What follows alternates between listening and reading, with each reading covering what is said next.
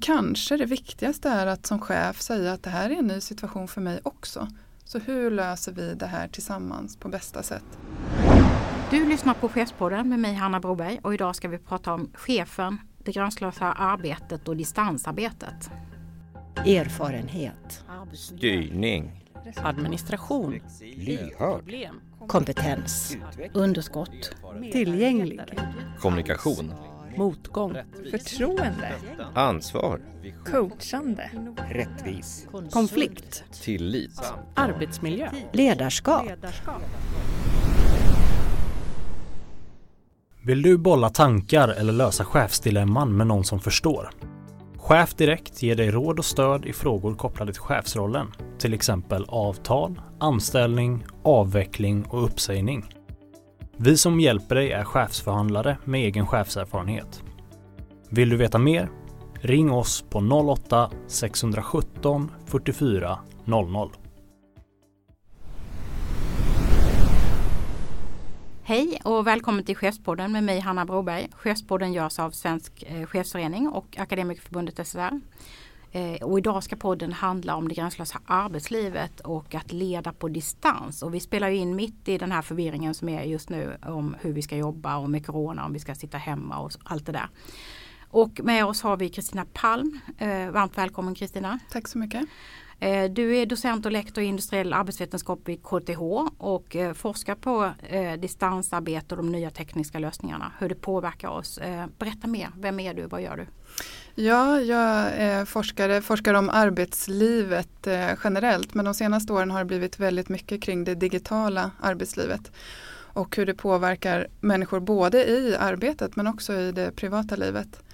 Eh, och jag bedriver min forskning förutom vid KTH också vid Karolinska institutet och Karlstads universitet. Mm. Det här ska bli jättespännande samtal. För nu, just nu så är det många som, ja en del jobbar faktiskt kvar på sina jobb mm. ska vi väl säga också och gör ett, ett hästjobb för att det här samhället ska funka. Men en del av oss försöker jobba hemma för att få saker att funka. Eh, ta med våra laptops och sköta mobilen eh, hemifrån och skapa hemkontor och sådär. Men det här som är just nu då lite kaos, det pågår ju även annars eh, mer och mer och det är inte helt nytt heller. Nej, absolut inte. Att ta med sig jobbet hem har vi gjort under, under många år men det är en kvalitativ skillnad i hur lätt det är att vara tillgänglig idag. Man kan vara, svara på mail, jobbmail från matkön eller när man sitter på bussen eller var man nu är någonstans. Um, men det är klart, jag brukar tänka på min pappa som då på 80-talet kom hem med en stor tung portfölj och det jag gissar att det var en massa papper i den. Och det är klart, han jobbade ju hemifrån då. Eh, men det var ju ändå liksom lite svårare. Och det som är intressant idag i det vanliga arbetslivet när vi inte har coronatider det är ju att det privata livet spiller över också in i arbetet. Så vi kan ju vara tillgänglig för familj och vänner och barn och vad det nu är för någonting även på arbetet. Så att det är en, den här gränsen mellan arbete och övrigt liv den luckras ju upp väldigt mycket. Det flyter ihop och ja. vi kanske har lite olika behov av att ha tydliga gränser eller inte och så. Och det Precis. ska vi komma tillbaka till. Ja. ja. Och det finns också en, en, intressant undersökning som visar att, att idag så är, är det flera människor som faktiskt tycker att det är problematiskt med det här flexibiliteten. Medan för tio år sedan var det fler som var positiva. Och det kan ju bero på att man kanske upplever det mer som ett krav att vara tillgänglig. Än att det är en möjlighet som jag själv kan, kan eh, välja att använda. Det här för de som ställer om nu till hemisolering som vi säger. Eh, vad händer med de arbetsgrupperna? De är inte vana att jobba så här. Och vad, vad händer med cheferna? Ja, det här är ju egentligen en fråga som vi inte kan svara på vad som faktiskt händer just nu. För det, det som vi säger i forskningsvärlden, det är en empirisk fråga. Vi skulle behöva studera det här. Men det är klart att vi kan ju gissa eh, vad det är som händer utifrån den kunskap vi har sedan tidigare. Till exempel att människor eh, Alltså man, man, har inte den samma sociala eh, kontakter som man har i vanliga fall. Det räcker bara att man kommer till jobbet så hejar man lite i korridoren, man tar en kaffe man går och fyller på kaffe så möter man någon så byter man några ord. Så den där typen av, av eh, samtal försvinner ju om man inte ser till att skapa den.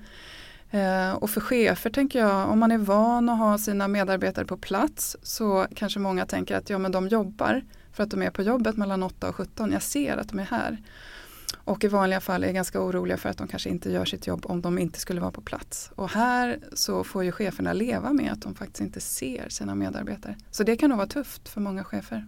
Vi pratade ju strax innan inspelningen med min kollega här som är kommunikationschef. Hon sa jag får ju energi av att vara med mina medarbetare.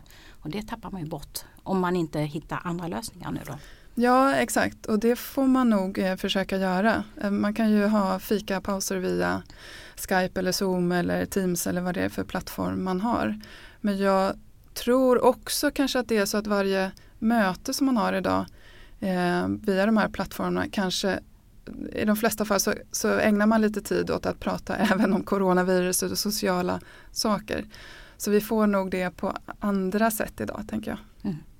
Du pratade om det här med att det flyter ihop och, och eh, jag läste nyligen en artikel, en intervju med en, en nunna som har levt eh, i kloster i 30 år eller så och som liksom beskrev sitt mm, liv och eh, det som vi då isolerar oss i nu för att undvika corona. Men även egenföretagare som har jobbat länge, de, de pratar båda två om, eh, om det här med behovet av struktur som man får normalt sett när vi tar oss till jobbet. Man har tidtabeller, man har bokade möten, man har vissa öppettider i verksamheter och så vidare som, som nu liksom försvinner lite grann, luckras upp. Vad vet vi liksom om det här behovet av struktur och hur man hanterar det? Eh, vad säger ni forskare? Ja, vi, man hemarbetar ja, precis. på distans? Jo, jo, men vi menar ju att det finns olika behov. Människor har olika behov. Och det är så lätt att tänka att alla har behov av samma typ av struktur. Eh, men vi har ju sett i vår forskning att det finns en massa olika önskemål om integration mellan arbete och övrigt liv. En del har inte alls problem att låta det gå ihop eh, hur som helst medan andra har behov av gränser. Så att man ska nog inte tro att alla behöver ha den strukturen som den här nunnan har. Men en del eller många kanske behöver det och då får man skapa sig den strukturen. Hur förhåller man sig som chef då tänker jag om, om mina medarbetare har väldigt olika behov? Eh, de plattformarna som finns, hur ska man jobba då? Jag tänker att det enklaste är nog att helt enkelt prata om det. Man, man ställer frågan, vad finns det för behov eh, nu när det ser ut så här? Vad finns det behov eh, som, där vi kan stötta varandra, eh, ge varandra feedback, hur kan vi be om hjälp? När är det okej okay att kontakta varandra? När är det inte okej? Okay? Och så får man liksom respektera det. Och på samma sätt så får ju chefen fråga, vad har ni för behov av att ha kontakt med mig? Vilket stöd behöver ni av mig? Vad vill ni att jag ska ställa för frågor? Så att man har en dialog, för det är ju ingen som har svaret på hur man ska göra, så man måste prata om det. Så nu upptäcker vi ju som chefer hur våra medarbetare kanske funkar och vi upptäcker själva hur vi funkar som chefer eller, eller som medarbetare. Men, men du har pratat om att det finns lite olika strategier. Ni har beskrivit en olika, olika typer av strategier. Kan du berätta lite mer eh, hur man hur man kan se, hur det kan se ut? Ja, jo, men vi har hittat eh, eh, sju olika gränshanteringsstrategier som bygger på, på människors sätt att använda digital teknik för att hantera gränsen mellan arbete och övrigt liv. Och det här bygger ju delvis på, på tidigare eh, forskning. Men, men de två huvudkategorierna är ju att man kan integrera arbete och övrigt liv eller separera. Och då har vi totalsepareraren som separerar arbete och övrigt liv totalt då den digitala tekniken. Man kan ju tänka på privatlivet när man är på jobbet men vi, här är det liksom att man inte använder den digitala tekniken. Och sen så kan man ju ha en, en integreringsstrategi där som vi kallar för arbetslivsintegrerare. Då kommer arbetet in i det privata livet men inte tvärtom. Jag tar med mig jobb hem, jag kanske sitter och förbereder en presentation när jag sitter i soffan tillsammans med barnen. Men när jag är på jobbet då är jag inte tillgänglig för mitt privata liv. Och sen så tvärtom, privatlivsintegrerad som tar med sig privatlivet in i jobbet. Man är tillgänglig för familj, vänner, idrottsförening eller vad det är.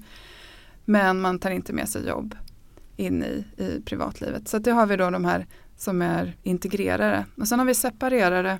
Och då kan man separera med antingen tid eller plats har vi sett som viktiga då komponenter. Att man kan vara en platsseparerare. Och för dem är det väldigt viktigt att man är på arbetsplatsen när man jobbar.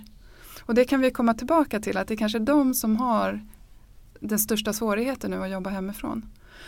Så att för dem så även om man, om man behöver jobba mer och klockan börjar närma sig tio på kvällen, ja då sitter man hellre kvar än att gå hem och fortsätta jobba. Medan tidssepareraren separerar arbete och övrigt liv med hjälp av tiden.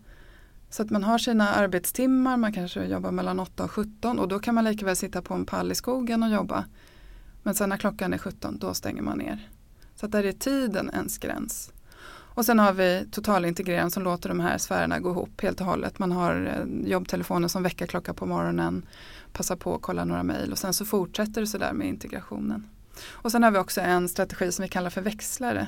Där strategin helt enkelt är att växla mellan olika strategier. Och det som är viktigt att säga här också att det här beror på vilken strategi man har. Beror på dels vad man själv har för önskemål men också vad man har för förutsättningar att få till den här strategin. Och förutsättningarna ligger ju både i hur arbetsuppgifter, arbetskultur ser ut men också i det privata livet, vad det finns för krav där. Så genom att prata om det här och förstå det så kan man hjälpa sina medarbetare att få rätt förutsättningar också. Exakt. Och som chef också hitta sina förutsättningar. Ja, och förstå att vi är olika. För det är så himla lätt att man tänker så här, men som jag gör, det är ju bäst för alla andra. Mm. Eftersom jag mår bra av det. Så det här är superviktigt att man utgår från sig själv som norm. Och då är det så lätt att tänka som i mitt fall, jag gillar att separera. Då tänker jag, ja, men då är det bäst att jag inte mejlar en kollega sent på kvällen. Men den kollegan kanske tycker att det är superbra. Mm. Så att man behöver prata om de här frågorna. Mm. Jag mejlade ju dig jättesent igår kväll när jag var klar med ett dokument men du läste det nu på morgonen. Ja, ja. precis. Eh, ja, det är lite så jag har tänkt också. Jag läste artikeln om, om nunnan så tänkte jag att ja, men så här ska man göra. För jag såg henne då som norm. Hon separerade saker, blev kallad till bönetid och kunde släppa det jobb hon var inne i och så. Men det är helt enkelt olika. Ja, sen så ska man ju också vara medveten om att det som är viktigt för ett, ett hälsosamt liv och kopplat till stress framförallt det är att vi får återhämtning. Och är det så att, att man integrerar arbete och övrigt liv väldigt mycket så kanske det är så att vi får få tillfällen att verkligen återhämta oss eller att det blir för mycket, att det liksom snurrar ihop sig. Och det andra är ju att om man är en arbetslivsintegrerad, det vill säga låter arbete komma in i privatlivet väldigt mycket utan några gränser så finns ju också en risk att vi hela tiden är upptagna av arbete och med liksom väldigt få pauser för, för återhämtning. Så att det är återhämtning här behöver vi vara uppmärksamma på. Och det är då man behöver se vad som är viktigt och slukas upp av någonting annat och sådär och få balans. Eh, Alltså det här med de tekniska lösningarna är ju inte bara, ibland får man intryck att vi är lite kritiska och negativa och att vi liksom just kopplade till att det skapar stress för många och så. Men det finns ju också fördelar det här med att få ihop livspusslet och sådär. Kan, kan ni se eh, liksom de positiva sidorna kring det här nya sättet att jobba också? Ja men absolut. Eh, inte minst så ser vi uppluckring i eh, vad gäller könsroller. Eh, där i vårat material i den studie då som jag och mina kollegor Ann Bergman och Kalle Rosengren har gjort så kan vi se till exempel att både män och kvinnor i lika stor utsträckning är tillgängliga för privatlivet, familj och barn på arbetstid. Nu är det visserligen en liten kvalitativ studie men det ändå visar på att det här kan, liksom, det kan ändra på mönster. Så det är ju en positiv aspekt. Och att både kvinnor och män kan jobba heltid för att man kan få ihop det här livspusslet. Så att visst finns det stora fördelar. Mm. Och tänker att te tekniken ger oss möjligheter geografiskt och sådär också. En annan rörlighet. Och Absolut. Mm. Man kan ju bo på en ort och jobba på en annan ort. Och det är väl någonting vi kommer lära oss av den här coronakrisen. Att det digitala faktiskt är ett så otroligt hjälpmedel. Att vi kan lösa väldigt mycket på distans om vi har en bra teknik. Mm. Och det är väl det, det ska, uppkoppling och annat ska funka annars blir det en stress också. Jag tänkte att vi skulle testa att koppla upp oss nu med min kollega Arvid som är enhetschef. Ska vi se här om Arvid är med oss alldeles strax. Nu ringer vi till Arvid får vi se om han svarar. Det hoppas jag men han kanske är upptagen med något annat. Det ser vi ju inte riktigt nu när vi liksom inte sitter på samma ställe. Eh, nej, vad händer nu? Arvid, ja, han har lovat att svara. Eh, ja, där ser man. Personen du ringt kan inte nås för tillfället. Så där kan ju tekniken vara. Ja precis och coronatider. Han kanske Ja, behövde rycka ut Nej, jag pratade annat. ju med honom för en stund sedan men han, det kan hända att han tänkte att han skulle bli uppringd. Nu ringer han faktiskt, vi svarar helt enkelt. Hej Arvid! Tjena Hanna! Tjenare, nu är du med i vår sändning i vår podd. Men Ja. vad spännande! Ja, vi märkte att tekniken inte alltid är så enkel. Du svarade inte direkt så att du kanske var och hämtade kaffe. Nej, men jag visste inte vilken kanal du skulle ringa in på. Nej, glömt den här gyllene regeln och göra upp vilken kanal det skulle vara på. Ja, precis. Du, jag tänkte Arvid, du är ju enhetschef här i huset och jobbar eh, aktivt med, med din arbetsgrupp på olika sätt. Nu är det distansarbete som gäller för er eh, och det är alla våra assistenter som svarar på medlemsslingor och på eh, en, en hel del aktiviteter som nu ska bokas om och allt sånt. Så ni har fullt upp. Eh, vad är utmaningarna med distansarbete skulle du säga? Alltså, jag skulle säga så här, jag, till att börja med så är första frågan är väl om man kan göra det överhuvudtaget. Så det var det första vi behövde göra, inventera vilka uppgifter finns det som vi inte kan göra hemifrån. Och där vi just nu måste jag säga är så glada. Alltså, man kan ha nu två månader sedan vi gick in i sista nya systemet som gjorde att vi faktiskt kan svara på både mejl och telefon och samverka med varandra hemma. Det har varit jätteviktigt i det här läget. Så det skulle jag säga är det första. Sen nästa är ju, om jag tittar och har en liten spaning eftersom det är många som jobbar hemifrån nu, så tycker jag att jag kan se en av de stora utmaningarna är att man blir lite släppt, jag ska säga vind, vind för våg. Eh, och eh, man kanske får någon rekommendation från sin arbetsgivare att, eh, att eh, kika videoklipp eller hänga med på det sättet. Och jag tror att man som arbetsgivare måste vara tydlig och säga så här, vi lämnar ingen och det här är ett läge där vi måste vara extra noga med att hjälpa till och hitta strukturer som funkar. Eh, så för oss har det nog varit det jag skulle säga, första utmaningen att hitta hur ska vi kunna hitta en både social samvaro och en hjälp som gör att medarbetaren kan lägga upp sitt arbete på ett bra sätt ihop med att vi som arbetsgivare måste kunna vara med och ta både vårt arbetsmiljöansvar men också kunna vara närvarande i arbetsledning. Så så någonting skulle jag säga är grund, grundutmaningen. Det är utmaningarna. Kristina har just eh, pratat om att medarbetare är olika också. Kan du se att du lyckas möta de behoven hos medarbetare? Att, att, att anpassa på något bra sätt? Ja, eh, förhoppningsvis. Vi är precis nu en, en vecka in och mitt grundupplägg har ju varit så att vi, vi har en, varje morgon klockan åtta så har vi en incheckning med hela enheten. Och det är 18 personer som vinkar och säger hej från Årsta och från Uppsala och från hela, hela området runt om. Eh, och där har vi också möjlighet att köra lite krisinformation eller det senaste från krisgruppen och så. Och sen så har jag delat in hela enheten då i, eh, nu blir det fyra stycken arbetsgrupper som är ungefär, eller fyra stycken sociala grupper som är typ fem i varje. Och så får de en ram då att de ska ha fikapauser ihop klockan 10.30 och klockan 14.30. Eh, och det är ju tänkt då som ger det här sociala stödet, att man får lite struktur och kommer ihåg att ta paus eh, och så. Men jag kan bara säga det, det är ju olika för en del har ju en eller flera personer som är hemma och eventuellt barn som är hemma och så finns det andra som sitter helt ensamma eh, och de har ju förstås olika behov. Och sen är vi olika, en del har ju behov av att hela tiden kunna vara lite social eller ha det, liksom få det, känna av. Och andra har ju mer, det är inget, inget problem med att vara ensam eh, en längre eller lite längre stund i alla fall. Det här blir spännande för Kristina och hennes kollegor att forska om på sikt eh, hur den här perioden har påverkat oss och vad det är vi har gjort. Tusen tack Arvid! Ja, men tack själva. Ja, där fick vi ett exempel på eh, tips och strategier från en av de chefer som just nu jobbar på det här sättet. Eh, vilka strategier vi har påverkar ju liksom både medarbetarchefer eh, och det är vår arbetsmiljö. Eh, det här med kopplingen till arbetsmiljö. Kan du säga någonting mer liksom hur, om hur vi ska tänka både som chef gentemot medarbetare kring arbetsmiljön men också själva som chefer. Vi är ju också anställda. Mm. Nej, men jag, en bra utgångspunkt tänker jag ju alltid att vi är varandras arbetsmiljö och det gäller ju även här. Eh, fast vi inte är fysiskt på samma plats.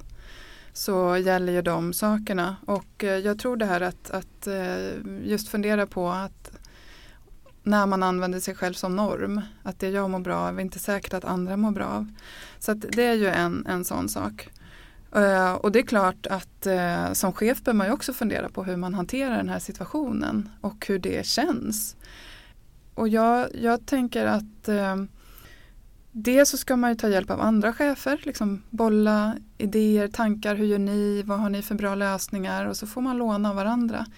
Dels så tycker jag att HR ska erbjuda sig som, en, som en, ett bollplank. De sitter ju med en lite annan kompetens, både arbetsrättslig och, och har förmodligen sina kollegor som de kan bolla med. Det tycker jag är viktigt. Men, men kanske det viktigaste är att som chef säga att det här är en ny situation för mig också. Så hur löser vi det här tillsammans på bästa sätt? Och det finns ju forskning som visar hur chefer som hamnar i riktigt, riktigt svåra problem, när de istället vänder sig till sina kollegor och säger så här, det här är det vi står inför, hur ska vi lösa det? Så gör man det på väldigt bra sätt tillsammans och man kan liksom dela bördan. Och delaktigt ledarskap är ju någonting som vi vet är någonting positivt. Så som chef säga att ja, men det här är nytt för mig också så hur gör vi det här på bästa sätt? Det, det tror jag är en jättebra start. Och det här om man tänker om vi skippar lite coronasituationen och plötsligt har infört det här med gränslös arbetsliv. Generellt, hur, hur tänk, ska man tänka eh, att man vet att, att medarbetare jobbar och mår bra? För du var inne på det att chefen liksom eh, vet inte riktigt hur medarbetarna jobbar. Det är svårt att leda på distans. Vi har ju, stå, vi har ju chefer som leder stora grupper. Vi kan ta hela hemtjänsten. Mm. är ju ett distansledarskap. Mm. En annan typ av distansledarskap. Eh, man vet inte riktigt hur de jobbar. Och vi vet också, någon forskning såg jag som sa att for, eh, de som mår bäst av att sitta i de här täta landsk öppna landskapen det är chefer för då har man väldigt bra koll och man liksom får snabbt feedback och kan ge feedback och sådär. Men, men generellt hur ska, hur ska man veta att medarbetare eh, jobbar på och, och mot målen och, och mår bra på det sättet de jobbar på distans nu då? Jag tror man ska fokusera på två saker. Det ena är resultatuppföljning. Det vill säga vara tydlig med vilka mål det är som gäller, eh, vilka arbetsuppgifter som måste göras och sen följa upp resultat.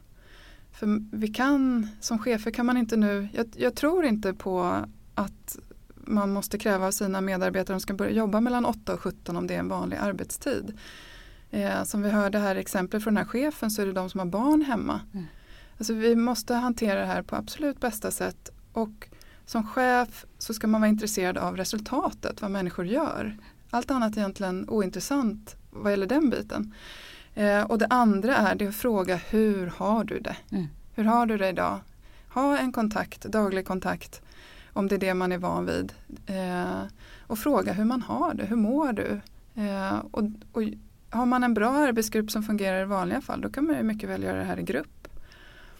Och bry sig om hur människor har det. Jag tror att det är de två sakerna man ska fokusera på som chef. Och förstås informera som vi också hörde här. Vad är det senaste? Mm. Liksom. Så den, så den där strukturen, vad jag som chef får för information att föra vidare, det är precis som vi gör med andra arbetsplatsträffar och eh, på våra fysiska arbetsplatser. Det måste man få till på de här eh, typen av distansmöten som vi har också. Mm. Om det inte är så att det, man har en annan informationsstruktur att man alltid ska titta på hemsidan intranätet eller vad det är. Mm. Så att det inte sprids olika information. Men att absolut. Det här med gränser är ju något som du har återkommit till att det har stor betydelse. Att man är medveten om både vad man liksom hjälper sina medarbetare med och hur man liksom lägger upp det här distansarbetet men också för mig själv. Vad man väljer att göra och när man gör det och så. Kan du beskriva lite mer den här gränssättningen, vad den har för betydelse? Ja, jo men för de människor som då, där gränsen mellan arbete och övrigt liv, när den är viktig, att, liksom att den upprätthålls. Och då kan man tänka sig att man behöver skapa nya gränser när man är i sitt hem och arbetar. Och då har jag egentligen tre förslag. Eh, och det ena är att man skapar sig en fysisk plats i hemmet som blir ens arbetsplats. Och det är klart, bor man stort så kanske man kan avsätta ett rum. Kan man inte det så får man hitta någon hörna som man tycker att men det här är mitt arbete. Och sen när arbetsdagen är slut så kan man antingen gå därifrån och har man inte ens den möjligheten så får man plocka undan dator och papper och allting så man liksom inte ser det För att det där, de här artefakterna förknippar vi med arbete. Och det andra är ju den tidsaspekten då, att skapa en tidslig gräns för vad som är arbete och inte arbete. Och för en del kan det fortsätta att det passar att man jobbar mellan 8 och 17 och för andra kanske det är mellan 10 och tre och sen jobbar man pass på kvällen för att man har barn hemma som man behöver eh, ta hand om. Och det tredje tänker jag är ett mentalt utrymme för arbete.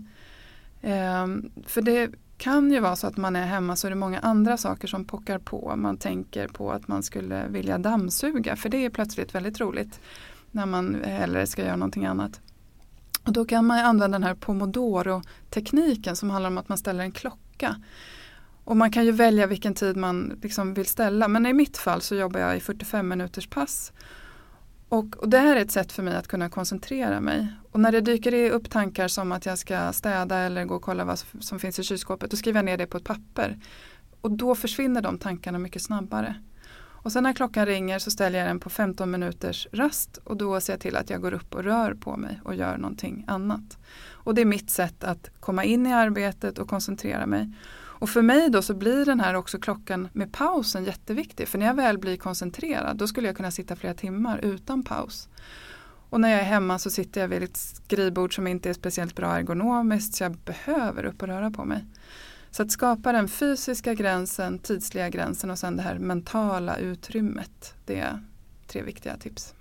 Jättefina tips och jag vet andra som nu i de här tiderna tipsar om att man kan gå ut genom dörren och så komma tillbaka hem. Då har man gått till jobbet eller att man, ja, att man har saker som hjälper ens beteenden lite grann. Att man klär på sig, inte sitter i morgonrock hela dagen och jobbar. Det kan väl vara bra också om man ska slå på videokameran på Teamsmötet eller vad man nu har, Zoom eller vad det är. Ja, det hörde jag var en kollega som sa, gud det är så jobbigt det här att sitta i Zoom-möten hela tiden för jag märker att jag måste sminka mig mycket mera. Så ja, en oväntad aspekt.